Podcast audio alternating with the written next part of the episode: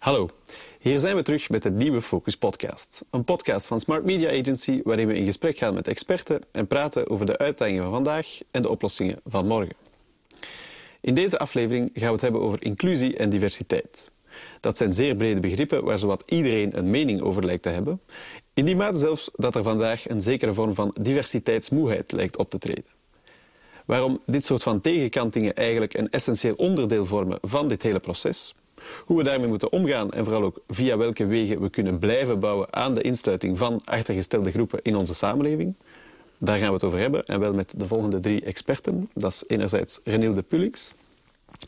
Zij is verbonden aan het expertisecentrum Inclusive Society. Dat is een onderzoekscentrum van de UCLL Hogeschool dat onderzoek doet naar inclusie, participatie en gelijkheid. Welkom, Renilde.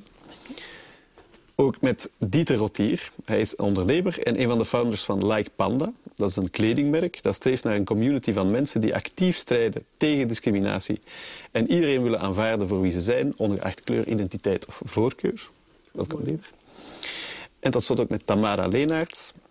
Zij is oprichter van She Company. En dat is dan weer een organisatie die zich inzet voor een groter of beter gebruik van vrouwelijke kwaliteiten binnen organisaties of bedrijven. Welkom, Tamara. Dankjewel. Misschien beginnen bij Renilde. Misschien moeten we, om het duidelijk te kaderen, eens vertellen wat is een, een onderzoekscentrum dat is verbonden aan een, aan een hogeschool. Wat is dat juist? Wat doen jullie? Ja, wij zijn inderdaad een, een onderzoekscentrum, een van de acht onderzoekscentra verbonden aan de UCLL. Uh, kenmerkend voor onderzoekscentra verbonden aan hogescholen zijn dat we heel praktijkgericht werken. We gaan echt aan de slag met concrete noden, vragen of behoeften van uh, wat we noemen uit het werkveld, organisaties, scholen, bedrijven die eigenlijk een vraag hebben, in ons geval over diversiteit, inclusie en participatie en daar rond willen werken. Dat is eigenlijk de start van ons werk. Dat kan zijn onderzoek, kan ook dienstverlening of navorming zijn. Een aantal voorbeelden. Bijvoorbeeld een gemeente die een e-inclusiebeleid voor senioren wil uitwerken, kan bij ons komen aankloppen en dan gaan we mee op weg met hen om dat uit te werken. Het kan ook zijn um, organisaties die met vrijwilligers werken en ook een vrijwilligersbeleid inclusiever willen vormgeven. Ook binnen onze hogeschool, we zijn een grote hogeschool um, in Limburg en Leuven, kijken wij ook naar ons eigen diversiteitsbeleid. Hoe, hoe zit het met diversiteit en inclusie in onze eigen instelling? Um, er zijn een aantal voorbeelden van uh, concrete uh, thema's waarmee wij aan de slag gaan. Maar dus het is, het is het is een academisch onderzoekscentrum uiteraard, maar het is vooral ook heel praktijkgericht. Dat is essentieel. Ja, inderdaad. Dus eigenlijk, um, om het op een andere manier te zeggen, wij kijken als het gaat over diversiteit en inclusie, naar plekken waar mensen met verschillen samenkomen. En dan ontstaan er altijd wel spanningen en wrijvingen. En dan gaan we met hen, met de mensen in, op die plekken aan de slag. Vertrekkend vanuit wetenschappelijk onderzoek, inzichten, modellen, maar ook handvatten om met die spanningen, die wrijvingen om te gaan. En hoe kunnen we dan van die plekken plekken maken waar eigenlijk iedereen volwaardig kan participeren? En jullie doen dat altijd in samenwerking met die partijen. Dus nooit, kijk, hier is een lijstje, je moet het zo en zo en zo doen. Nee, we doen het nooit alleen. Hè. Dus uh, we gaan altijd heel interactief, heel participatief, ook heel uh, divers responsief aan de slag. Um, en we geven inderdaad geen lijstjes met tips en tricks of met recepten, omdat diversiteit en inclusie zijn complexe dingen. Um, er gebeurt heel veel. Um, het is ook altijd anders. Hè. Diversiteit over um, een e-inclusiebeleid of diversiteit op de werkvloer. Het zijn specifieke contexten. We bieden wel die inzichten en modellen aan, handvatten ook, richtingaanwijzers, maar die altijd samen met ons en daarna de, de organisaties of bedrijven alleen kunnen invullen, kunnen gebruiken, altijd toegepast op hun context. En Sinds wanneer bestaat het, het, onderzoekscentrum? Het onderzoekscentrum zoals nu bestaat nog niet zo heel lang, vier jaar. Een aantal jaar geleden is er een grote reorganisatie in de instelling geweest. En dan is eigenlijk ons onderzoekscentrum als volwaardig centrum um, opgestart. Uh, vier jaar zijn we nu aan de slag met ongeveer een veertigtal onderzoekers die uh, ja, expertise hebben op deze thema's. En dus nog een vraag daarbij is natuurlijk uw eigen engagement voor het thema, voor de bredere topic daar rond. Hoe is dat ontstaan? Um, ik ben eigenlijk al mijn hele carrière bezig met het thema, gestart in onderwijs. Um, ik ben gestart op het departement onderwijs en ik heb mee het uh, inburgeringsbeleid uitgetekend. Ehm, daarna ben ik naar de Universiteit van Gent gegaan en heb ik lang gewerkt aan het steunpunt diversiteit en leren rond uh, diversiteit en meertaligheid in onderwijs. Maar het is altijd een beetje meer uitgebreid naar diversiteit, inclusie um, in de ruimere samenleving. En dan sinds een drietal jaar ben ik verbonden aan Inclusive Society en heb ik heel die interesse en uh, mijn expertise rond dat thema kunnen verdiepen. Oké. Die expertise gaan we zeker nog aanwenden. Maar eerst, welkom Dieter ook. Okay. Jullie hebben een, een kledinglijn, Like Panda. Wat heeft een kledinglijn met diversiteit te maken? Wat is de link? De link is eigenlijk het symbool dat we dragen, zoals je kan zien, een panda. Waarom een panda? Zwart-wit, een Aziatisch dier, slechtziende, ehm, zo goed als kleurenblind en maakt eigenlijk geen onderscheid daarin. Ehm, maar we zijn veel meer dan een kledinglijn, we zijn meer een, een community. Ehm, waarbij we iedereen willen inclusief maken, ehm, wat, waar zij ook voor staan, waar ze in geloven, uh, wat ze denken. Um, eigenlijk alle mensen. Daar gaat het vooral over, de, de community. Dus de kledinglijn is, een, is uiteraard een commercieel product en dat proberen we in de markt te zetten. Maar het is vooral een middel om een grotere community te creëren. We willen eigenlijk een symbool uh, ja, uh, verspreiden waarbij mensen die dat symbool dragen, waarbij zij zeggen, oké, goed, je hebt, je hebt het symbool van Like Panda aan en jij staat voor inclusiviteit, uh, diversiteit, uh, eenheid, gelijkheid voor iedereen. Daar komt het eigenlijk om. Het is meer het symbool op de kledij. Ja, het is commercieel. We willen, het, we willen ook graag uh, um, centjes verdienen om nog meer te doen, evenementen te creëren. Um, maar het symbool is eigenlijk het symbool van de community en niet zozeer de kledinglijn. En het is, het is een vrij recent fenomeen. Like Panda is sinds kort gelanceerd, dit jaar nog. Klopt, uh, klopt. Neem ons eens mee in het verhaal. Um, ik heb, uh, ik heb mijn, mijn twee partners, uh, Issa en Sabri, leren kennen bij een werkgever van ons. Een aantal jaren geleden, ongeveer drie jaar geleden. Um, zij waren er al mee bezig. en ik was van in het begin super enthousiast. Met het idee van, als je ermee start, dan mag je mij bellen. ik zoek altijd een leuk, een leuk symbool. ook omdat ik erin geloof, ook omdat ik ervoor sta. Um, en we zijn beginnen praten en praten en praten. En ze hebben me meegenomen in het verhaal. Uh, en we zijn officieel gestart in, uh, in april dit jaar. Dus uh, echt nog recent. De eerste kledinglijn die, die staat online, de tweede is in aantocht. Um, ja, nog echt recent, nog echt nieuw. En dus jullie doelpubliek is, is consumenten, maar ook wel bedrijven. Is B2B en B2C, om klopt, het in marketingtermen te zeggen. Ja, klopt. We willen inderdaad niemand niet uitsluiten. Uh, we willen ook naar bedrijven toe, wat ik hier daarnaast uh, van Renilden heb gehoord, uh, ook naar bedrijven toe. zij zijn ermee bezig. Het is een topic de dag van vandaag. we willen hen daarmee ondersteunen vanuit de ervaringen die we hebben. Um, ik spreek heel veel bedrijven daaromtrent. En als zij dan ja, onze, onze kledij daarin willen meenemen en als symbool dat mee, mee willen verspreiden, dan is dat mooi meegenomen. Maar ook naar de particulieren toe. Uiteindelijk, iedereen wordt wel een stukje gediscrimineerd of een stukje uitgesloten vanwege iets. Is het een ras, is het een geloof, is het een huidskleur, is het haarkleur, is het, is het de kleur van de ogen, het doet er niet toe. Um, dus eigenlijk willen we gewoon iedereen aanspreken. En we hebben een focus op B2C-verhaal. Maar zeker ook het B2B-verhaal. Uh, bedrijven zijn ermee bezig, ze willen er acties in ondernemen. Uh, en wij willen hen daar graag in helpen. En dus, je zegt, ik spreek vaak met bedrijven. Dat is ook omdat, dus naast Like Panda heb je nog activiteiten. Dat is misschien ook dezelfde vraag als bij Renille. Waar is je eigen engagement voor het thema geboren? Eigenlijk bij mezelf. Uh, ik ben een voetballer geweest, uh, lang, in een lang, lang, lang verleden. Uh, en daar wordt ook wel heel vaak in gediscrimineerd. Gaat het over, over je geloof, gaat het over je huidskleur. De, de thema's zijn echt, echt recurrent en, en hedendaags. Um, en daar is het bij mij eigenlijk, eigenlijk begonnen. Um, ik heb een blanke huidskleur, maar ook ik werd gediscrimineerd in mijn voetbalverleden. Uh, omdat ik niet groot genoeg was, omdat mijn haar te lang was. Uh, noem maar op, er zijn altijd wel redenen om iemand uit te sluiten. En ik heb daar altijd tegen gevochten. En dat zal ik blijven doen. En dus vandaag, naast voor Like Panda actief zijn natuurlijk, hoe moeten we u professioneel kunnen kaderen? Uh, ik, ik, noem mezelf graag een ondernemer. Uh, mijn expertises liggen vooral in de automotive fleet en in, mobiliteit. Uh, ook weer een hot topic de dag van vandaag. momenteel zijn we heel hard bezig met, met, met flexibele mobiliteit, openbaar vervoer, fietsen. Ehm, ik heb er juist iemand gehoord die zei van ja, ik kom met de trein met de plooifiets. Wel, daar zitten we nu in. Um, omdat daar mijn expertises in, in, in, in liggen. Uh, maar zo spreek ik gewoon als ondernemer veel bedrijven uh, van verschillende takken, verschillende uh, bronnen van informatie die we dan aan elkaar koppelen. Ehm, wat het engagement voor alles wat diversiteit is alleen maar groter maakt. hoor ik eigenlijk. Ja, Klopt. ja.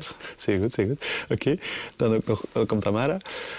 She Company dat draait rond vrouwelijke, vrouwelijke kwaliteiten en, en eigenschappen. Misschien moeten we eerst eens kaderen over wat hebben we het dan juist? Wat is dat Ja. net, dat feminine? Ja. Dus in tegenstelling tot de collega's richt ik mij op, of ben ik, ben ik met één tak van sport bezig, het vrouwelijke en het mannelijke. Hè? Goed wetende dat, dat het natuurlijk een veel breder palet is, maar dat is, dat is dan mijn expertise. En ehm, een van de dingen waar dat ik tegenaan loop, of als je rond dat thema werkt tegenaan loopt, is, is mensen gaan heel gemakkelijk in weerstand op de namen vrouwelijk en mannelijk of masculin en feminien. Wat ik merk dat helpt, is om te refereren naar de, de Oosterse begrippen, yin en yang omdat die neutraler zijn. Hè? En die staan eigenlijk voor hetzelfde. Hè? Yin is het vrouwelijke en yang is het mannelijke. En dan yang staat bijvoorbeeld voor naar buiten gericht, daadkrachtig, lineair, ratio, logica. eh, dat soort van dingen. En yin staat eerder voor naar binnen gericht, vertragen, eh, cyclisch, eh, intuïtie, emotie. Hè? Dus dat zijn de, de, wat, in het oosten onder yin en yang wordt verstaan en wat wij in het westen masculin en feminien of vrouwelijk en mannelijk zouden kunnen noemen, zonder daarin deterministisch te zijn. Vrouwen hoeven niet zo te zijn en mannen hoeven niet zo te zijn, maar het zijn wel twee complementaire eh, talenten en kwaliteiten. En van, daar staat She Company heel erg voor. Is waar, dat, eh, waar dat wij voor staan of waar dat wij naar streven, is dat die eh, vooral de yin-talenten en kwaliteiten eh, meer aandacht zouden krijgen en meer in organisaties nog ingezet zouden worden en gewaardeerd naast de yang kwaliteiten. Want wat je eigenlijk zegt, door dat zo te zeggen, is dat gebeurt vandaag te weinig. Ja, ja, ja. En dat is eigenlijk historisch zo gegroeid in veel sectoren. Niet in alle sectoren, maar in veel sectoren. Als je kijkt naar ondernemerschap, naar politiek, naar alle plekken in de wereld buiten die impactvol zijn, zijn historisch ingevuld door mannen. Voilà, het is gewoon zoals dat het is. En mannen hebben dat dan natuurlijk kleur gegeven vanuit hun eigen manier van doen en manier van zijn. En sinds de jaren zeventig zijn vrouwen ook massaal die plekken gaan innemen, maar er is nog altijd wel een, eh, nog altijd werk aan de winkel. En dus als we dat even concreet proberen maken, er komt een bedrijf, een organisatie naar jullie toe. Ja, Die zeggen, we willen meer in balans zijn met onze Ja. vrouwelijke ja. kant. Hoe... Zo zeggen ze dat niet per se, maar... Nee, oké. maar dat is uiteindelijk het doel dan. Hè? Maar dus, wat zijn dan, hoe gaat dat concreet in zijn werk, die ze dikwijls nu, hè, de, wat, wat nu dikwijls eh, de grote uitdaging nu in organisaties is de, de toplaag van de bedrijven. Hè. De, de, de directeraden, de, de, de, de directieraden of de directiecomité's, dat is eigenlijk echt nog een heel groot knelpunt. Dus daar zijn veel bedrijven die bij mij terechtkomen mee bezig. Van hoe krijgen we vrouwen in dat topmanagement? Ehm, en een belangrijke, vanuit ons perspectief, een belangrijke manier om, te doen, om dat te doen, is de cultuur vervrouwelijken. Zodat vrouwen zich meer op hun gemak voelen, eh, zich gewaardeerd worden voor, voor hun eigen stijl en voor wat dat zij in te brengen hebben. En daarnaar gaan kijken. Concreet hebben wij ehm, werken we op maat, maar voilà, dat is dan heel, heel erg specifiek. Maar twee grote dingen die we aanbieden. Enerzijds ehm, het vormen van communities in organisaties, vrouwennetwerken. En anderzijds ehm, hebben we een aanbod, een trainingsaanbod, een bewustmakingsaanbod rond waar, hebben we het dan eigenlijk over? Mannelijk, vrouwelijk, hoe is dat hier in jullie organisatie? Ehm, en hoe kunnen we dat balanceren naar meestal meer vrouwelijke talenten en kwaliteiten? Oké, daar gaan we het zeker nog over hebben. Maar misschien nog even dezelfde vraag als voor de andere twee. Hoe ben je zelf in dat Ja, veld Hoe ben ik hier terechtgekomen? terechtgekomen? Ja, er zit een hele persoonlijke component aan. Ik ben, eh, ik ben geboren in 70 en ehm, dus opgegroeid in de jaren 70 en 80. En toen was er nog heel veel gescheiden in, eh, in Vlaanderen. Ik ben in- zowel in de lagere school als het middelbaar zat ik in meisjesscholen, in nonnenscholen. Hè, dus ik heb een zus. Mijn moeder komt uit een gezin van tien kinderen met zeven dochters. Ehm, ik zat in de scouts en dat waren gidsen, zo heette dat. Dat waren alleen maar meisjes. Dus voor mij, tot mijn achttiende, overal waar ik keek waren meisjes en vrouwen. Zowel rond mij als in leiding, de directrice van de school, mijn grootmoeder. Ik, ik ben gewoon... Ik dacht, de wereld is een matriarchaat. dacht dat natuurlijk niet bewust, maar in mijn beleving was dat zo. Overal waren vrouwen. En dus ik, ik heb echt in mijn DNA hoe dat vrouwen en meisjes, hoe dat, dat marcheert onder elkaar in het goede en in het niet goede.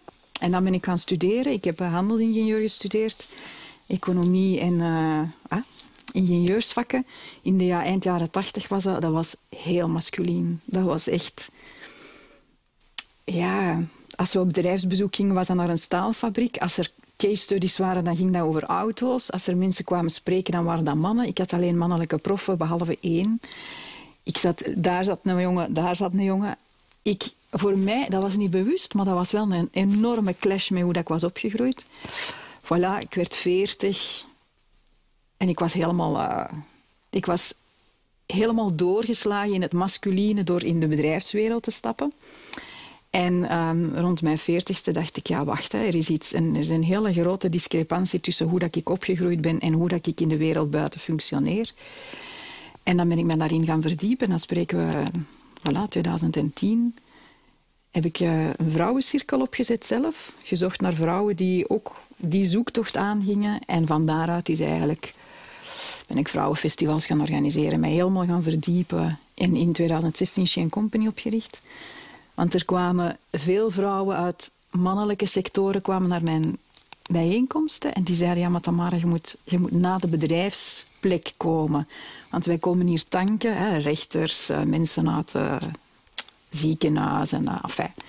Wij komen hier tanken en dan komen we terug op onze plek. En dan zijn we weer helemaal ondergedompeld in het masculine. Dus kunnen niet daar iets komen doen. En dan in 2016 is Shane Company geboren. Met als idee, we gaan op de werkplek iets doen. Oké, oké. Dat is een mooi verhaal. Dat is heel duidelijk nu meteen waar het engagement vandaan komt. Nu misschien, nu dat we iedereen gekaderd hebben, kunnen we het even wat breder proberen trekken. Met een heel algemene vraag, maar die toch heel veel antwoorden heeft, denk ik. Als we het stellen van... Als we het hebben over inclusie, misschien is de eerste vraag die we daarbij hebben... Hoe is het daarmee gesteld in de zin van de graad van inclusie in Vlaanderen, in België? Hoe zit dat juist? Misschien beginnen bij Dieter, want we hebben gezegd, je komt in contact met heel veel bedrijven. Wat is uw algemene gevoel qua engagement, qua geloof in die strijd? Uh, ik denk om, om, dat we nog een hele weg af, af moeten leggen. Uh, ik denk dat we ver zijn van waar we naartoe kunnen. Um, ik heb de overtuiging dat we, dat we 100% eh, inclusie en diversiteit, dat dat misschien een hele moeilijke is. Maar dat is mijn persoonlijke mening.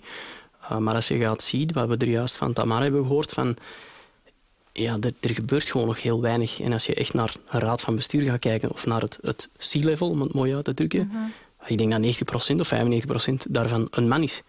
En dat hoeft niet. Um, en ik durf zelfs nog, nog verder gaan. Het is een blanke man. Maar waarom? Dat doet er eigenlijk niet toe.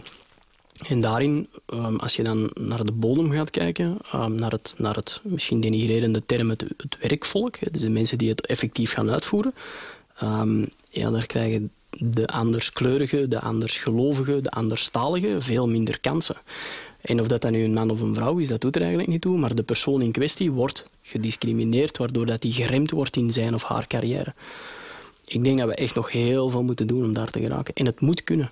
Maar dus, want je hebt toch het gevoel dat er wel veel beweegt en er zijn allerlei initiatieven, maar concrete acties of het resultaat daarvan blijft nog een beetje uit in, jouw gevoel. Ja, absoluut. En ik durf er zelfs een voorbeeld aan, aan, aan, eh, te geven. Ehm, we hebben op een gegeven moment um, een we hebben verschillende sollicitanten uh, om, om uh, de functie uit te voeren, de functie sales manager, dus echt wel een, een mooie functie.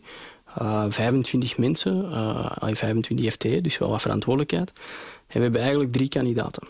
Een moslim, een blanke man en een dame, katholiek. En op een gegeven moment um, zijn we de analyse aan het maken van de drie profielen. En ik krijg de opmerking van ja, we zullen de dame nemen, want we hebben wat meer diversiteit nodig. Ja, dat klopt. Maar moeten we niet beter de juiste kandidaat kiezen? Die dan misschien iemand anders is. Maar over de vraag van moeten we de juiste kandidaat kiezen, wat dan, dan automatisch gaat leiden tot meer diversiteit op de werkvloer, ook tot op het hoogste niveau, ja, daar wordt dan weer niet aan gedacht. En dan denk ik, waarom zijn we daar dan niet bewust mee bezig? We zijn bewust mee bezig, we willen een actie ondernemen, dat is het punt waar ik naartoe wil. We gaan een vrouw aannemen, meer diversiteit, maar is het dan wel de juiste keuze? En daar wringt het bij mij heel hard. Want ik denk uiteindelijk, um, om het weer op het man-vrouw aspect te, uh, te duiden. Misschien is de juiste kandidaat wel inderdaad die vrouw, maar we moeten die vrouw niet aannemen als een vrouw is. Nee, omdat ze een vrouw is. Ja, ja. ik wil daar graag even bij aansluiten. Ik denk inderdaad dat we als samenleving wel stappen vooruit zetten. Als we kijken naar een aantal decennia geleden, dat we ook um, ons meer en meer bewust zijn van het thema. Hè. Het, komt naar boven, we kunnen er niet meer omheen. Maar dat we op een punt zitten van... Uh, het is belangrijk, we moeten iets doen, maar wat moeten we precies doen? Ik denk dat we op dat punt zitten van... We, we kijk naar de context waar ik vaak in werk, onderwijs. Ik denk dat iedereen in onderwijs zich bewust is van de dingen die daar spelen. Maar dat nog niet alle leerkracht of ander personeel in onderwijs de competenties heeft om met die diversiteit, om met de spanningen die die diversiteit met zich meebrengt, om te gaan. En ik denk dat daar mensen zoals wij een hele belangrijke taak hebben om samen met um, scholen, organisaties, bedrijven um, aan de slag te gaan. Ik denk ook dat je vroeg de graad van diversiteit en inclusie. Uh, ik denk dat we soms op een bepaald moment kunnen zeggen: oké, daar zitten we nu, maar dat is nooit verworven. Diversiteit en inclusie is net zoals de samenleving voortdurend in beweging. Het is een beetje zoals eh, het boek van een aantal jaar geleden: Liefde is een werkwoord. Ik denk diversiteit en inclusie is ook een werkwoord en zal er altijd zijn. Net omdat we zo een uh, geglobaliseerde, verbonden wereld zijn, hebben heel veel dingen die elders gebeuren onmiddellijk een impact bij ons. En bijvoorbeeld de oorlog in Oekraïne stelde onmiddellijk de vraag aan onze samenleving om duizenden mensen op te vangen en een plek te geven. Ehm, de moord op George Floyd in Amerika bracht onmiddellijk, en dan nog in een tijd van corona, de vraag van racisme en decolonisering naar ons. En we moesten daarmee aan de slag. Corona zelf heeft heel veel gepolariseerd in de samenleving. De antivaxers, de, de, het respecteren van uh, alle voorschriften die we moesten volgen. Dus we kunnen s morgens opstaan en s'avonds kan er een heel nieuw thema op ons bord liggen waarmee we aan de slag moeten gaan. Dus het is nooit verworven of, of oké, nu zijn we er en we zijn een inclusieve samenleving. Nee, het is een fragiel evenwicht waarmee we altijd weer opnieuw aan de slag moeten. Mm -hmm. Maar dus als we even die, die context vastnemen, bij, in het geval van Shane Company bijvoorbeeld, daarnet hebben we gezegd, het is begonnen in 2016. Ja. Vergelijk ja. is 2016 met ja. vandaag. Ik zie wel van, vanuit het man-vrouw perspectief um, zie ik wel een grote vooruitgang. We zijn er niet. Hè? En het kan ook achteruit gaan, dat weten we ook allemaal. Maar in, uh, in 2016 moest ik echt nog missionariswerk verrichten. Mijn, de contacten die ik had met organisaties, daar, ging, daar gingen gesprekken over het waarom. Um, dus ik moest echt... Ja, voilà. En dat waren moeizame gesprekken. Waarom zouden we ons überhaupt daarmee bezighouden? Die vraag, tenminste bij de mensen waar ik mee werk, die komt niet meer. Het waarom is helder. Nu komen mensen met de vraag hoe. Wat ik daarnet ook al zei. Oké, we willen graag meer, meer vrouwen op C-level. Hoe kunnen we dat doen? Hoe kunnen we uh, onze cultuur aanpassen zodat die diversiteit echt gaat naar inclusie? Want ik denk dat wat het man-vrouw thema betreft, we zijn er nog niet, hè? maar er is toch echt wel al een, een we zijn alleszins in de goede richting wat de cijfers betreft. Um, maar het is niet omdat, je, omdat er vrouwen zijn, dat automatisch ook de vrouwelijke talenten en kwaliteiten tot zijn recht komen. Dus het, moet, het, het, het, is niet genoeg van tik de boxes te doen, maar je moet ook echt gaan kijken van wacht, hè, hoe kunnen we nu die verschillen ook echt laten renderen en, en tot hun recht komen. Ja. En dat vraagt wel meer dan gewoon mensen rond de tafel te zetten. Ja, want ik denk, de rode draad is een beetje... Het is een werkwoord of het is werk van lange adem. Misschien moeten we even dat vastnemen. Waarom, waarom is dat zo? Als we misschien het voorbeeld van, de, van Like Panda nemen. Waarom volstaat het niet om een, om een t-shirt te kopen of iets anders uit de collectie? Waarom is dat nog maar het begin? Omdat je kan een t-shirt kopen en mensen kunnen het zien, maar daarom weten ze nog niet wat het is. Um, je kan het misschien nu niet zien, maar de tekst op de achterkant is, is voor mij heel duidelijk. Het gaat over alle mensen um, waar we mee moeten samenleven. We, willen dat misschien soms niet altijd, dat bestaat ook, maar we moeten wel, voor een groot stuk. Um, en als we dat dan doen, waarom doen we dat dan niet ten goede? dus enkel die t-shirt kopen, dat zou leuk zijn, daar gaan wij heel blij mee zijn. Maar voor ons gaat het om veel meer dan dat. Wij willen net gewoon iedereen gelijk. Of dat je nu anders bent. Uh, ben je dikker, ben je dunner, ben je groter, ben je kleiner, ben je man, vrouw, zwart, groen, geel, paars. Dat doet er echt gewoon niet toe. En ik denk als we dat beeld dat er misschien wel in ons DNA zit ondertussen, als we dat er kunnen uitgooien, dan gaat diversiteit en inclusie gewoon vanzelf komen. Of dat je dan een man of een vrouw, Afrikaan, Europeaan, Amerikaan, uh, moslim, katholiek, protestant bent, dan doet het er gewoon niet meer toe. Je bent een persoon, je hebt de kwalificaties en je kan daar iets mee doen. Of dat nu in de privésfeer is of in de professionele sfeer, dat maakt niet uit. Maar dus, als we zeggen een campagne of een actie is niet genoeg, het gaat om, om de mindset die dat creëert. Dat is natuurlijk een extra uitdaging, maar dat betekent hoe, hoe moeten we dat dan doen? Hoe gaan we daar concreet mee om? Ja, um, inderdaad, het is niet alleen uh, een campagne. En bijvoorbeeld als ik de link even leg naar het context van het hoger onderwijs. Uh, we weten in Vlaanderen dat de um, studenten aan het hoger onderwijs de samenleving niet weerspiegelen. Er is een heel grote kloof tussen mensen die... In, in, verhouding die deelnemen aan het hoger onderwijs en de grote groep in de samenleving. En we missen heel veel groepen uh, bij ons, ook bij ons op de hogeschool. En dan wordt er bijvoorbeeld heel hard ingezet op participatie. Het aantal, zoals jij ook zegt, het aantal uh, studenten uit bepaalde etnisch-culturele, socio-economische groepen moeten we hebben bij ons en moeten die binnenkrijgen. Ja, en dan komt het wel in orde. Nee, dan komt het niet in orde, want we zien dat net die groepen ook even snel terug onze instellingen verlaten. Dus moeten we op zoek gaan van, oké, als die mensen dan de stap hebben gezet van oké, vaak zijn dat pionierstudenten, studenten die als eerste van hun familie de stap naar het hoger onderwijs zetten. Wat maakt dan dat ze zo snel terug weg zijn? Dat ze zo snel hun studie opgeven? Um, vaak wordt er dan gesproken over belonging, thuis voelen op de universiteit. Ja, wat kunnen we daar dan in het beleid ook aan veranderen? Dat mensen die komen de ondersteuning hebben eh, krijgen die ze nodig hebben, zich thuis voelen en zo ook hun opleiding kunnen verder zetten. Um, pionierstudenten hebben vaak niet toegang tot heel veel dingen die voor mensen die ouders, broers en zussen hebben die gestudeerd hebben, gewoon vanzelf weten. Je kan daar, uh, bij studentenvoorziening kan je daarvoor terecht, die kan u dit uitleggen. En dat zijn allemaal dingen die andere studenten misschien missen, kunnen we daar ook aan remediëren.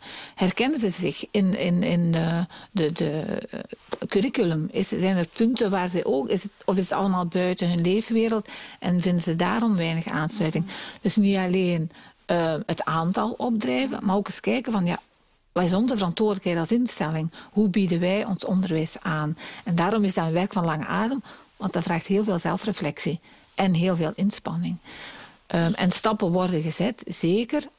Maar we moeten die inspanning wel een hele tijd kunnen aanhouden. Maar dus dat is een mooie concreetmaking van inderdaad, hoe, hoe moeten we alles wat we beschrijven, hoe gaat dat juist in zijn werk? Ja. Misschien als we dat naar ja, de bedrijfswereld transponeren. Ik zat heel erg te knikken, want, want dat is eigenlijk overdraagbaar naar um, wat wij vanuit Gene Company heel erg geloven, is dat uh, is de kracht van de verbinding in eerste instantie onder vrouwen.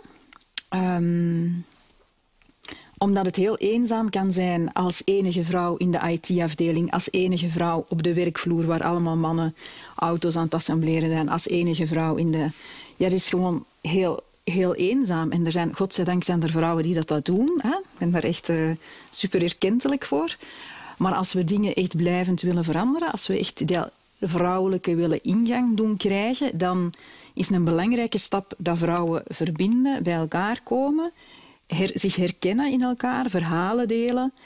En dat van daaruit ook uh, mannen, het management en anderen in de organisatie mee betrokken worden. Bewust, dat er bewustwording gecreëerd wordt en dat er gekeken wordt naar oké, welke systemen in onze organisatie houden dat nu in stand. Bijvoorbeeld de vacatures, om iets heel, hè, wat is ondertussen denk ik algemeen bekend, maar de, de taal in de vacatures, de profielen waar dat we naar zoeken zijn, waren, zijn heel dikwijls geënt op mannelijk leiderschap. Hè. Um, dus de, de systemen en de, en de structuren gaan, gaan bekijken, is dan een, een volgende of een parallelle stap. Dus ik herken heel erg de, wat dat jij zegt. Zo de, de, hoe, hoe werkt dat dan? Dat is een manier om dat te doen werken. En dat vraagt natuurlijk tijd. Dat vraagt tijd, dat vraagt bewustwording, dat vraagt ja, veranderingen. Die, dat gaan niet zomaar... Uh, dat vraagt, maar, maar ik zie het wel gebeuren. Allee, ik ben echt... Maar dus de, de, ik denk de centrale boodschap is een beetje, het gaat om het creëren van een cultuur, van een, van een nieuwe mindset, een nieuwe manier van daarover in het leven staan. Maar dus niet over losstaande acties. Dat is het belangrijkste. Het is echt een, een beleid dat moet gecreëerd worden. Natuurlijk, dat betekent, we hebben ook al gezegd, dat het iets is wat lang duurt. Het is een lange ademproject of proces. En dus dat creëert natuurlijk een soort van moeheid. Want ja, het, is niet, het is niet direct geregeld, dus dan is het moeilijk om inspanningen daarvoor te leveren. Merken jullie dat in de praktijk inderdaad, dat er zoiets bestaat als diversiteitsmoeheid, wat wel zoiets gezegd wordt? Ik denk, ehm, als we naar het onderwijs kijken, mogen we wel zeggen dat dat daar een beetje is. Maar ik denk, onderwijs is zo'n complexe context op dit moment. Hè, ehm, dat heel moeilijk is voor mensen in onderwijs, want er heel veel doen berichten over onderwijs, zodat daar wel een beetje speelt. Anderzijds denk ik niet dat er zozeer moeheid bestaat, maar wel een, een ongemak. Want veel mensen ja, moeten met iets omgaan wat ze tot dan toe eigenlijk een beetje hebben af kunnen houden. Het dringt zich op nu en dus komt er weerstand. En um, ik denk weerstand bekijken wij als iets heel positiefs. Omdat betekent weerstand, mensen gaan achteruit, een beetje naar links, een beetje naar rechts. Dus er is wel beweging. Mensen worden geraakt, dus er speelt wel iets. Dan is het natuurlijk de manier hoe ga je daarmee om. He, zeg je onmiddellijk, ja, je hebt een verkeerde blik, we moeten allemaal dit en dat doen. Dat gaat het niet oplossen. Maar wel met mensen even meegaan, mensen blijven betrekken. Dus die weerstand merken we wel soms. Wat we ook merken is dat bijvoorbeeld, ik gaf daar net um, het voorbeeld van een gemeente die een e-inclusiebeleid wil voeren. Die eigenlijk denken, ja, we doen al heel veel, dus we zijn heel erg goed bezig en toch lukt het niet. He, dus gaan we nog meer doen van wat we al deden. Maar dat we eigenlijk met hen dus moeten gaan kijken, oké, maar misschien de manier waarop, hè, wat jij ook zei, is dan toch niet de manier die het meest aanslaat. En dat is vaak het werk dat we wel moeten doen. Mensen die heel veel, met heel veel goede overtuiging denken van oké, ook ehm, wat we zien in andere ehm, organisaties van, maar iedereen is welkom en toch komt er niemand. Ja, maar misschien is er een reden waarom mensen zich dan toch niet zo welkom voelen. En daar komt ook wel beweging in dat mensen daar eens opnieuw naar willen kijken. Maar weer, dat vraagt die, die reflectie, die, die inspanning. Mhm. Maar dus die, die, ehm. weerstand, daar komen we zeker nog op. Maar misschien nog even de, terug naar de diversiteitsmoeheid. Merken jullie die in de praktijk? Of eigenlijk ehm, niet, dat kan ook. Ik, dat hoeft niet. Ik merk geen moeheid, um, maar ik merk een beetje laksheid. Um, ja, we gaan dat doen, doe maar. Oké, maar wat wil je zelf doen? Ja, maar regel het maar. Ja, maar nogmaals, we willen heel graag helpen, maar je gaat het uiteindelijk zelf doen. En de term die ik daar juist die mij opkwam was verbondenheid. Als ik iemand uh, zie uh, waar ik mij verbonden mee voel, ja, dan ga ik automatisch een stap vooruit zetten om, om toenadering te zoeken. De moment dat iemand zelf de de eh, verbondenheid niet uit gaat stralen of niet zegt ik sta er open voor, ja, dan ga je die toenadering niet hebben. Ja, dan is het al een heel ander verhaal, misschien stukken moeilijker, waarbij je zegt van je wil inclusie, dat is goed, maar ik heb je wel nodig. Je, je bewustwording, um, een ander beeld geven um, um, door de weerstanden, door die te doorbreken, door een ander voorbeeld te geven ja, als het niet begint aan de top of aan, aan, aan degene die uiteindelijk de beslissing moet nemen, is dat de pater familia, om het zo te zeggen, hè, of, of, of moeder de huisvrouw, om, om maar een term te nemen, of de CEO van een bedrijf of de eigenaar van een bedrijf. Ja, als die niet meegaan, dan wordt het al een moeilijke.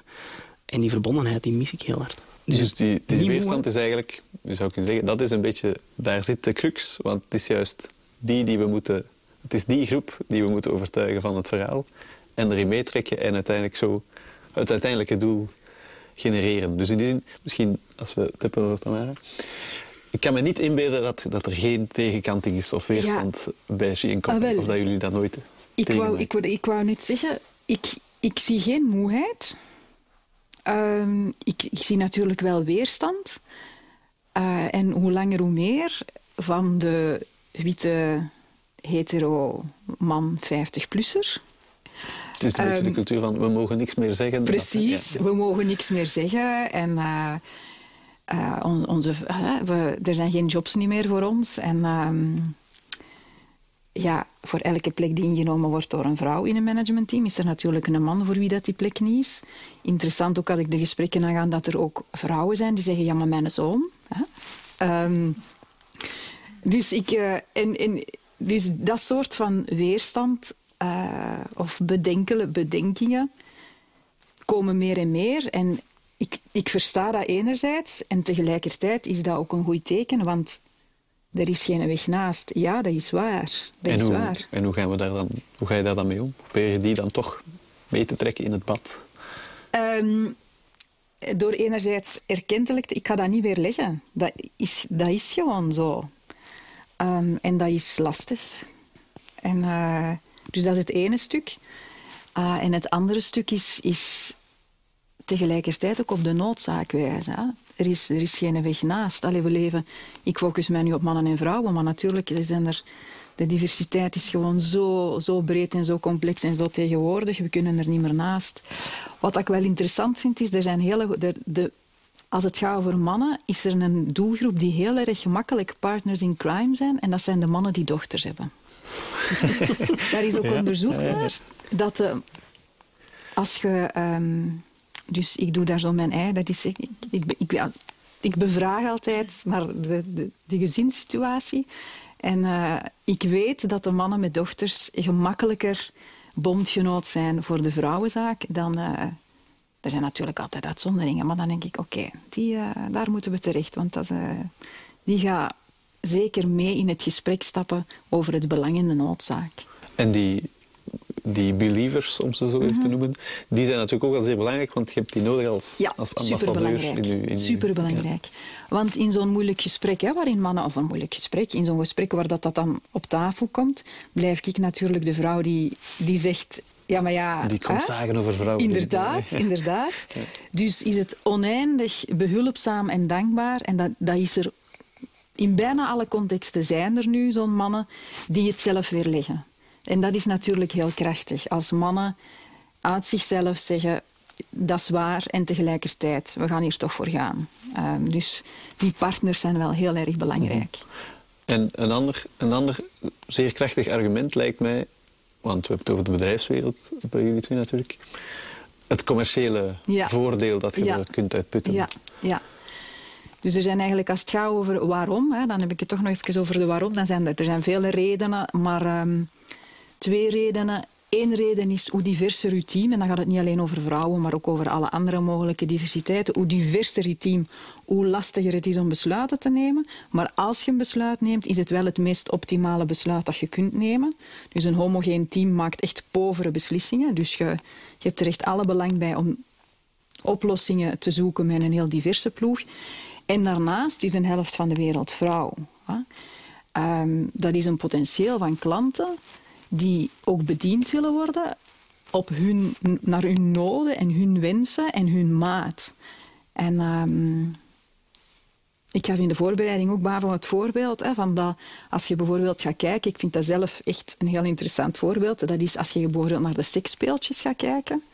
In de jaren tachtig, toen ik jong was en op verkenning ging, en je ging naar een, naar een sekswinkel, dan hadden waren de vibrators typisch grote penissen in felle kleuren, in het rubber. Hè? Met het idee dat is wat vrouwen nodig hebben. Uh, er waren alleen maar mannelijke seksuitbaters of sexshopsuitbaters en ontwerpers. En ondertussen is dat ook heel erg vervrouwelijkt. Je hebt ook een hele beweging van um, women in sex tech. Dat is een, heel interessant om te volgen. Dus die zich die weten hoe dat een vrouwelijk orgasme werkt en wat dat je daarvoor nodig hebt. En als je gaat kijken wat dat nu het topspeeltje is, voilà, dat is de womanizer. Dat is helemaal geen penis niet meer. Dat werkt echt puur op de clitoris. En dat is super design, super stil. Dat kun je op je dressoir leggen. Dat is super gebruiksvriendelijk, vrouwelijk. En dat is... Weet je, ik denk, ja, dat wordt massaal verkocht. Dus je, je kunt een hele nieuwe markt aanboren of dingen die, als je gaat kijken, wat hebben vrouwen nu eigenlijk nodig? Hoe willen die dat dat eruit ziet? Hoe werkt dat voor vrouwen? En... Niet alleen seksspeeltjes. Hè. er zijn... Maar dus de boodschap is een beetje, dat product is er gekomen omdat vrouwen ja. de kans hebben gekregen om daarmee over na te denken. Precies. Ja, ja, Zowel in het ontwerp als in de verkoop, als in de look, de feel, de werking. Het, ja, ja. Dus, dus dat, en dat kun je naar alle sectoren vertalen. Dus daar is echt een enorm potentieel nog. We zijn goed bezig al, maar er is nog een enorm potentieel. Dus puur uh, economisch gezien is dat gewoon echt noodzakelijk. Je zou dom zijn als je dat laat liggen. Is dat ook wat jullie merken bij Like Panda of in uw andere uh, ja, absoluut. Ik, uh, een divers team maakt gewoon de juiste beslissingen. Of de, de, ja, niet de beste oplossing, maar degene die er het beste gaat uitkomen. Um, is, het de, is het het beste idee? of de beste oplossing voor een idee of voor een probleem, dat zullen we dan achteraf wel moeten zien door het te toetsen. Ehm, is dat eenvoudig? Nee, absoluut niet. Uh, um, als ik heel stereotyp moet gaan praten, de vrouw de emotie, de man zonder emotie, um, ja, dat botst gewoon. Mm -hmm. Maar als je die twee als, een, als, een, als partners tot een consensus kunt laten komen, ja, dan heb je gewoon een ideale situatie. Uh, waarom? Iedereen zijn behoeften en noden zullen een groot stuk beantwoord worden. En dat is de juiste manier om daarmee om te gaan. Mhm. En als je dat En gaat ook door... commercieel de interessante manier. hè, Absoluut, absoluut. Ehm, ja, wij maken daar geen onderscheid in. Eh, wij hebben geen vrouwen- of mannen-t-shirten. Eh, het, zijn een, het is een t-shirt. Ehm, Dat past inderdaad wel in het, ja, ik snap het, in de identiteit die je wilt zijn als merk. hè. ja, willen we dat misschien in de toekomst? Ja, tuurlijk dat. Maar moet dat? Misschien ook niet. Maar misschien moeten we daar dan gewoon ook nog mee, wat meer over sparren met, met, met de dames in kwestie die betrokken zijn bij, bij het hele verhaal, onze partners. Ehm, maar dat hoeft daarom niet. Uh, dus commercieel heeft dat zeker een impact. Ook naar seksspeeltjes, dat wist ik dan weer niet. Ehm, maar ik ben daar ook niet mee bezig. Het is een heel krachtig voorbeeld. Ehm, maar ook naar mode. Ik denk als je, als je gaat kijken, de vrouwenmode, daar gaat veel meer geld in om dan mannenmode. Ja, ja, ja. Dus ook weer daar. ja, Absoluut. kijk. Ja, misschien als we dat... We hebben nu veel over commerciële dingen gepraat, maar als we terug naar de academische hoek trekken... Ik denk de centrale vraag is, hoe moeten we omgaan met non-believers of met tegenkanting, weerstand? We hebben het al een beetje gehad, maar als we daar wat dieper op ingaan... Ja, zoals al een paar keer benoemd is, hè, weerstand op zich is, is niet negatief. Want dat wil zeggen, mensen zijn betrokken. Als mensen zeggen, "Pff, ja, laat maar, en van de, weggaan mijn van de tafel, niet, ja, ja, dan is er geen betrokkenheid. Maar weerstand tot aan, oké, ik, ik voel hier wel iets mee. Dus op zich proberen we daar dan positief mee om te gaan. Ik denk ook, en dat is wat wij ook wel doen, is erkennen van het thema diversiteit en inclusie, ook al zij gaan misschien om believers, is altijd een heel persoonlijk en emotioneel thema. Omdat je onmiddellijk geconfronteerd wordt met je eigen denkbeelden, je eigen referentiekader. Hoe kijk ik naar de wereld? Hoe sta ik in de wereld? Het is heel sterk gelinkt aan politieke overtuigingen, aan maatschappelijke overtuigingen. Dus het is onmiddellijk een thema waar iedereen die daarover spreekt, zich een beetje onveilig over voelt. Want je moet echt nadenken van, ja, hoe voel ik mij daarbij? Welke vooroordelen heb ik? En komen in één keer naar boven. Dus dat maakt het altijd heel complex en heel persoonlijk, emotioneel. En dat erkennen van bij de start, denk ik, is al een hele grote stap in um, non-believers over de streep trekken. Ik denk als we met heel echte non-believers zijn, ja, misschien moeten we niet iedereen, of kunnen we niet altijd iedereen meenemen. Maar in onze werking nemen we van bij de start wel alle stemmen mee. En zoals je ook zegt, ja, we moeten die niet van tafel wegen, want die leven er. Maar dan proberen we met hen, ja, hen mee te nemen in een traject, in een langer proces, om toch te kijken, van, oké, wat kan het opleveren als we wel stappen zetten in, in die inclusie. Hè. Inderdaad, diversiteit is eigenlijk maar een beschrijving van wat het is. Inclusie is, ja, welk antwoord geven we daarop? En hoe proberen we iedereen een volwaardige uh, plek te geven waarin iedereen kan participeren. Hè. In jouw voorbeeld van de seksspeeltjes, ja, die vrouwen konden dan participeren in. Het was niet alleen voor hen, maar samen met hen. En dat is eigenlijk de stap die we moeten kunnen zetten. Dus ja, hoe gaan wij om met weerstand? Ja, want dus jullie hebben om die stap te kunnen zetten methodieken ja. ontwikkeld? Of wij wij werken heel erg um, participatief. Um, dat wil zeggen dat we bijvoorbeeld een hele onderzoek, allee, groep van onderzoekers hebben die die participatieve methodieken ontwikkelen en daarmee aan de slag gaan. Die naar scholen, bedrijven, organisaties trekken. Een, een voorbeeld dat wel meer mensen kennen, denk ik, zijn de story circles, waarbij we echt leren luisteren naar de ander. Dus we leggen een thema op tafel over diversiteit en inclusie. Iedereen krijgt een bepaalde spreektijd toegekend. Um, en de ander moet echt luisteren. Het is geen gesprek, want dan ben je onmiddellijk in jouw eigen gedachte. Oh, ik wil dat zeggen, ik wil daar reageren, ik wil hierop inpikken. Nee, we moeten echt proberen te luisteren naar de ander. Um, en op die manier doen we een paar rondjes die cirkel. En dan komen er echt hele mooie dingen naar boven. En creëer je eigenlijk een gevoel van verbondenheid. En waar jij het over had. En um, we doen dat ook bijvoorbeeld in ondernemingen of met um, directieteams. De, en het werkt wel al, bijna altijd. Dus op die manier kan je dan al een soort van voedingsbodem creëren. Van oké, okay, nu komen een aantal ideeën naar boven. Hoe kunnen we hier wat meer concreter mee aan de slag gaan? Dus die story circles, dat is een heel concrete ja. een methodiek die we echt een manier gebruiken. die jullie hebben. En, en dus, ja, dat kan in elke mogelijke context, Setting, gebruikt Ja. worden. Ja. Ja. En is dat iets, jullie zijn daar niet alleen in? Die Nee, natuurlijk, er zijn bestaande methodieken, maar wij passen die wel echt toe, eh, nu concreet rond dit thema, diversiteit en inclusie. En daarmee gebruiken we die in de onderzoeken die we doen, in de trajecten die we met ehm, onze partners doen, om het thema eigenlijk ehm, bespreekbaarder te maken. Ehm, die emotionele geladenheid, waar ik het er straks over had, ehm eventjes ruimte te geven, maar dan ook weer te laten weghebben. En dan kan je eigenlijk wel daarna, als die verbondenheid er is, het gevoel van oké, we hebben echt naar elkaar geluisterd, wat concreter aan de slag van hoe kunnen we nu acties ontwikkelen die wel de juiste zijn. Ja. Want het woord dat een beetje mij opkomt is feedback of feedbackcultuur. In de zin van, dat is essentieel om mee te trekken dat iedereen, dat duidelijk is dat ieder zijn bezorgdheden kan op tafel Ja. leggen. Want die vormen de basis van uiteindelijk uw, uw streven. Dat is eigenlijk een Ja, beetje ik weet niet of we dat een feedbackcultuur moeten noemen. Je kan feedback ook op heel veel verschillende manieren Dat is waar, dat is geven. Die niet altijd even op, constructief zijn. Eh, maar het gaat er inderdaad om te luisteren naar ieders eh, perspectief op het thema. En dan kijken van, oké, wat zijn de doelstellingen die we willen bereiken? Hoe kunnen we daar stapsgewijs naartoe werken? Hm. Oké, dus... ja, misschien- Ja, ik, ik wou daar nog iets eh, op aanvullen, omdat... Voilà, ik gebruik de term story circles niet, maar zoals dat je het beschrijft, is, is wel een van de mechanismen die ook werkt in het bijeenbrengen van vrouwen. Namelijk dat vrouwen kunnen ervaringen delen.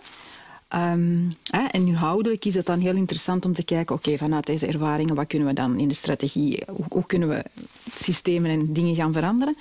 Maar wat voor vrouwen ook heel erg belangrijk is, is de, het, niet, het zich niet alleen voelen. Dus heel dikwijls, als vrouwen dingen beginnen delen, dan zijn er andere vrouwen die dat her- herkennen, erkennen.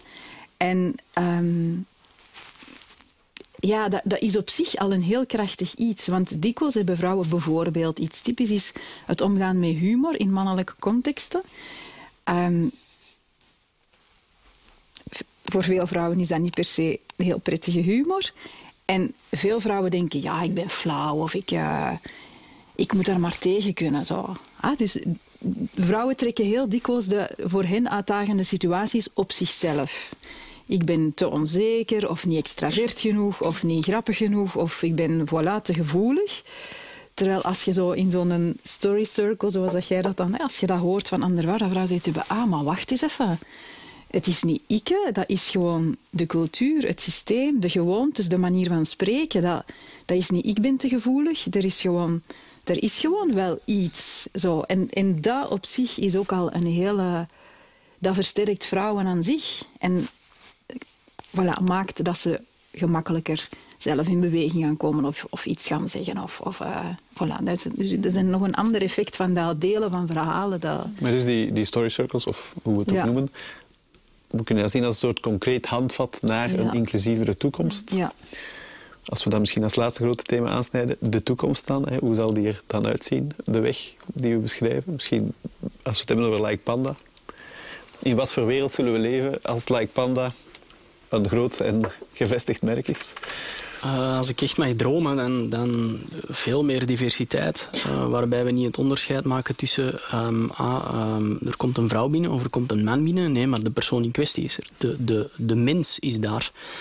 Ehm, en of dat, dat dan professioneel is of, of, of in privésfeer, dat doet er gewoon niet toe. Ehm, als we echt gaan focussen op Like Panda, dat wij een gevestigd merk zijn, wereldwijd, eh, waarbij heel veel mensen ons logo dragen. Ehm, en waarbij zij ook gewoon heel expressief zijn van kijk, Like Panda, dat is het, dat is het symbool en wij staan daarvoor. Eh, wij staan voor inclusie, wij staan voor diversiteit en wij gaan heel bewust, want dat, daar gaat het bij ons heel vaak over, wij gaan heel bewust om met, met discriminatie. Wij willen niemand niet discrimina- eh, discrimineren.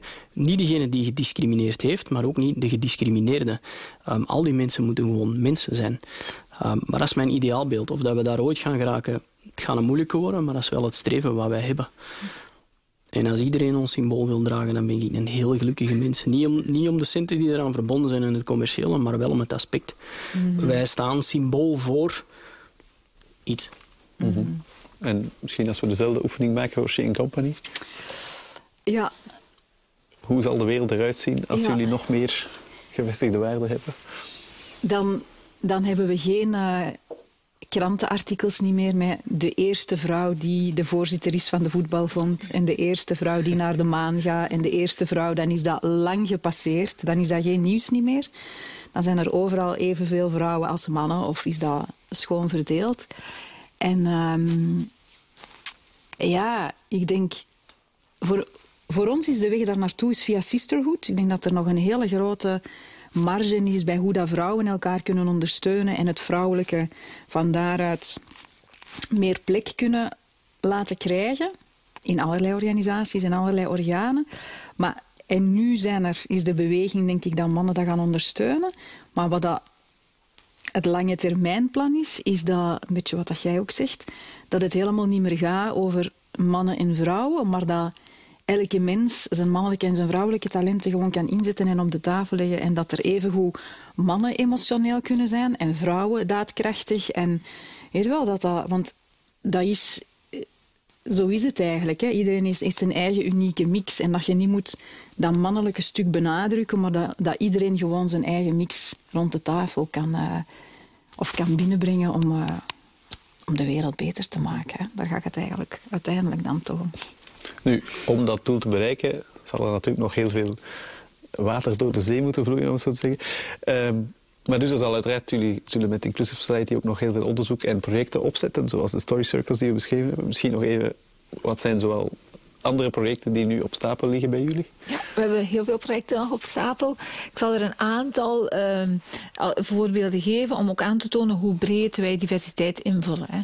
Dus een eerste project waarmee we van start gaan um, volgend academiejaar is inclusie en diversiteit op de werkvloer. En dan willen we met een aantal bedrijven, werkgevers, maar ook werknemers. Um, organisaties gaan kijken van er is recent een federaal actieplan racisme goedgekeurd en daar staan in ook een aantal aanbevelingen over diversiteit en racisme op de werkvloer en willen we met hen kijken van hoe kunnen we hier proactief wat invulling aan geven.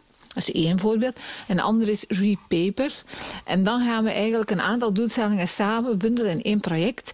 We willen uh, met de mensen... Um, die werken in dagcentra of in maatwerkbedrijven um, aan de slag gaan om met afvalpapier. En zo werken we bijvoorbeeld met architectenbureaus samen die ons hun oud papier geven. Met de afvalpapier maken we samen met de mensen uit de dagcentra en de maakwerkbedrijven nieuwe notitieboekjes die we dan vervolgens verspreiden. Dus daar doen we duurzaamheid, mensen betrekken die wat verder van de arbeidsmarkt staan um, in één project. En dan hebben we ook nog heel wat projecten op vlak van onderwijs, het omgaan met meertaligheid, waarin we toch ook, het is een heel actueel thema, um, met secundaire scholen aan de slag willen van hoe kunnen we nu echt een inclusief en heel krachtig taalbeleid op poten zetten. En gaan we ook kijken in onze eigen instellingen van kijk, microagressie. Hè, dus heel die kleine dagelijkse discriminaties, racisme, waar mensen echt heel vermoeid van worden en ook soms uitvallen. Hoe ontwikkelt zich dat? Wat zijn daar dynamieken en processen? En hoe kunnen we daar eigenlijk ook antwoorden op geven? Mm Enkele van de dingen die we vanaf september gaan doen. En is dat misschien ook nog eens dezelfde vraag? hoe zal de wereld er dan uitzien als jullie nog meer dat kunnen doen? Of misschien moet de vraag bij jullie anders gesteld worden. Wat is de maatschappelijke opdracht die het onderzoekscentrum voor zichzelf heeft? Ja, wij zien ons als onderzoekscentrum in de samenleving staan en wij hopen bij te dragen via al die partnerschappen die we met het werkveld hebben aan het realiseren van die inclusievere samenleving. We werken eerder van onderuit uh, op, de, op de werkvloer, schoolvloer, bedrijfsvloer met organisaties om op die plekken die verbondenheid en die acties vorm te geven. Uh, natuurlijk geven wij ook altijd beleidsaanbevelingen mee naar mensen die naar ons zullen luisteren en hopen op die manier ook op die niveaus uh, wat invloed te hebben. Maar ons ideaalbeeld is een inclusieve samenleving. Wat wil zeggen, een samenleving waar iedereen een volwaardige plek heeft. Um, waarbij we toch aandacht hebben voor de verschillen die er zijn tussen mensen. Um, maar waar die verschillen er kunnen zijn met respect voor de ander. Heel kort samengezegd. Hmm. Oké, dat lijken me hele mooie woorden om op af te sluiten, want we zijn helaas op het einde van het gesprek gekomen. Ik wil jullie heel erg bedanken voor de deelname en bedankt om zo'n Focus Podcast ook alweer wat meer op de kaart te zetten. Bedankt. Dank je wel.